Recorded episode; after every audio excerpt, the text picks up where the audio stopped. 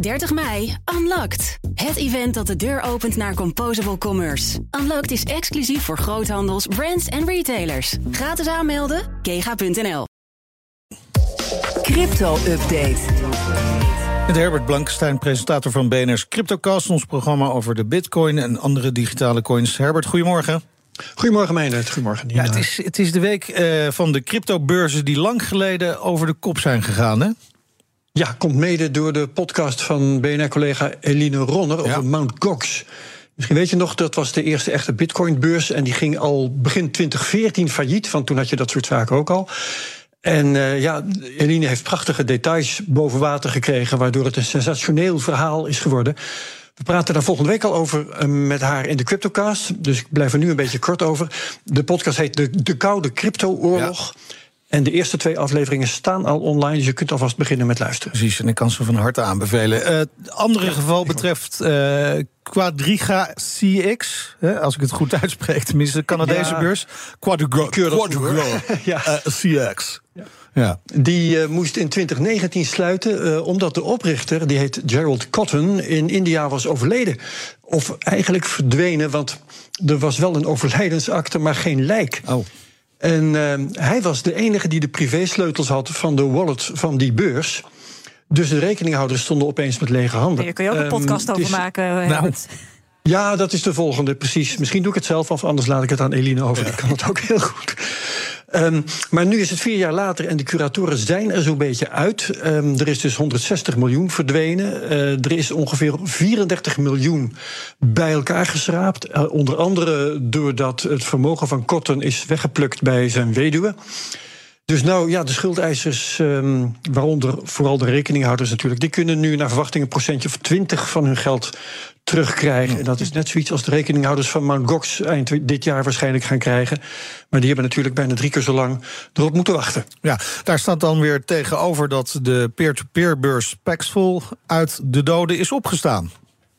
Ja, en dat is een bijzondere beurs. Um, even het verschil. De meeste cryptobeurzen, daar kun je direct handelen. Je kiest ja. een coin en dan krijg je van de beurs een prijs... en dan kun je kopen of niet.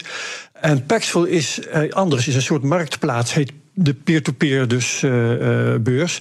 En daar kun je je coins aanbieden in een soort advertentie. En zo kom je in contact met gegadigden en kun je een prijs afspreken. En zo gaat dat verder.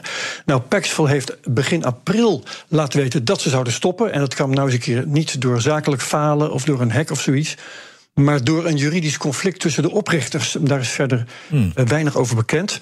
Maar het lijkt erop dat het nu toch weer is geregeld. En Paxful heeft bekendgemaakt dat ze toch maar weer verder gaan alsof er niks is gebeurd.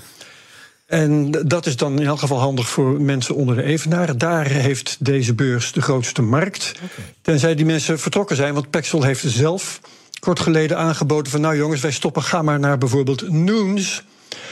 Dus uh, nou ja, of ze dezelfde klandizie houden, dat moeten we nog afwachten. Oké. Okay. En uh, dan het volgende verhaal: hoe een crypto-nieuwssite door de mand valt. Ja, dat gaat over de site bitcoinist.com. En ik kijk daar zelf geregeld voor interessant crypto-nieuws. Ik ben ja. de enige niet. En daar zag ik twee koppen die echt opvallend op elkaar leken. De ene ging over een loodgieter die rijk was geworden met de Dogecoin. Je weet wel, ja. de hond. En het andere verhaal ging over een schoonmaker die rijk was geworden met Shiba Inu. En dat is ook zo'n memecoin met een hond. En in allebei de gevallen merkte ik toen ik dat ging lezen, had die rijke hoofdpersoon geen naam, werd niet genoemd. En had hij er nu voor gekozen om te investeren in het DeFi-project HedgeUp. En in beide artikelen werd dan eindeloos vaak gelinkt mm. naar de website waar je die token kon kopen. Ja, gewoon gesponsord dus. Stond dat er ook bij? Ja. Nee, dat stond er niet bij. En uh, toen ik nog wat verder keek, toen bleken er op Bitcoinist nog twee artikelen te zijn die reclame maakten voor dat project, ook zonder een sponsormelding.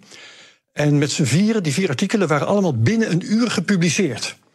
En toen moest ik helemaal aan mijn hoofd krabben. Want stel nou dat je denkt aan het belang van de sponsor. Of stel nou dat je denkt, hoe kom ik hiermee weg als nieuwsite? Ja. ja, dan ga je dat toch over een paar dagen spreiden of zo. Of over een paar weken zelfs.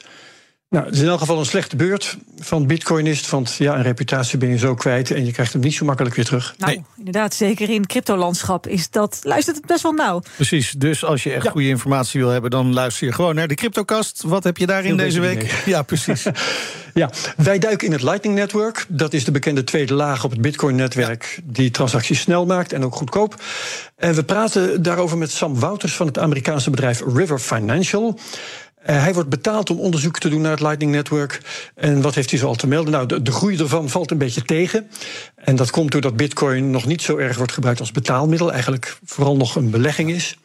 Um, maar aan de andere kant, de ene Bitcoin-beurs na de andere... die gaat intussen op Lightning over... omdat de transactiekosten de pan uitreizen. Dat is uh, ook een verhaal van deze week. Um, en we hebben het ook nog met hem over een toekomstige derde laag. Dus nog bovenop dat Lightning Network. Allemaal in één cryptocast. Zo, nou, dat is de moeite waard om te gaan luisteren. Dus en, uh, dat kun je natuurlijk doen uh, via elk uh, platform wat je maar kiest. Maar ook de BNR-app of bnr.nl. Dankjewel, Herbert. Alle afleveringen van de Cryptocast zijn dus gewoon terug te luisteren. Dus als je iets verder terug wil, is dat ook allemaal gewoon mogelijk. De crypto-update wordt mede mogelijk gemaakt door Bits. De Bitcoin-spaardienst van Bitonic.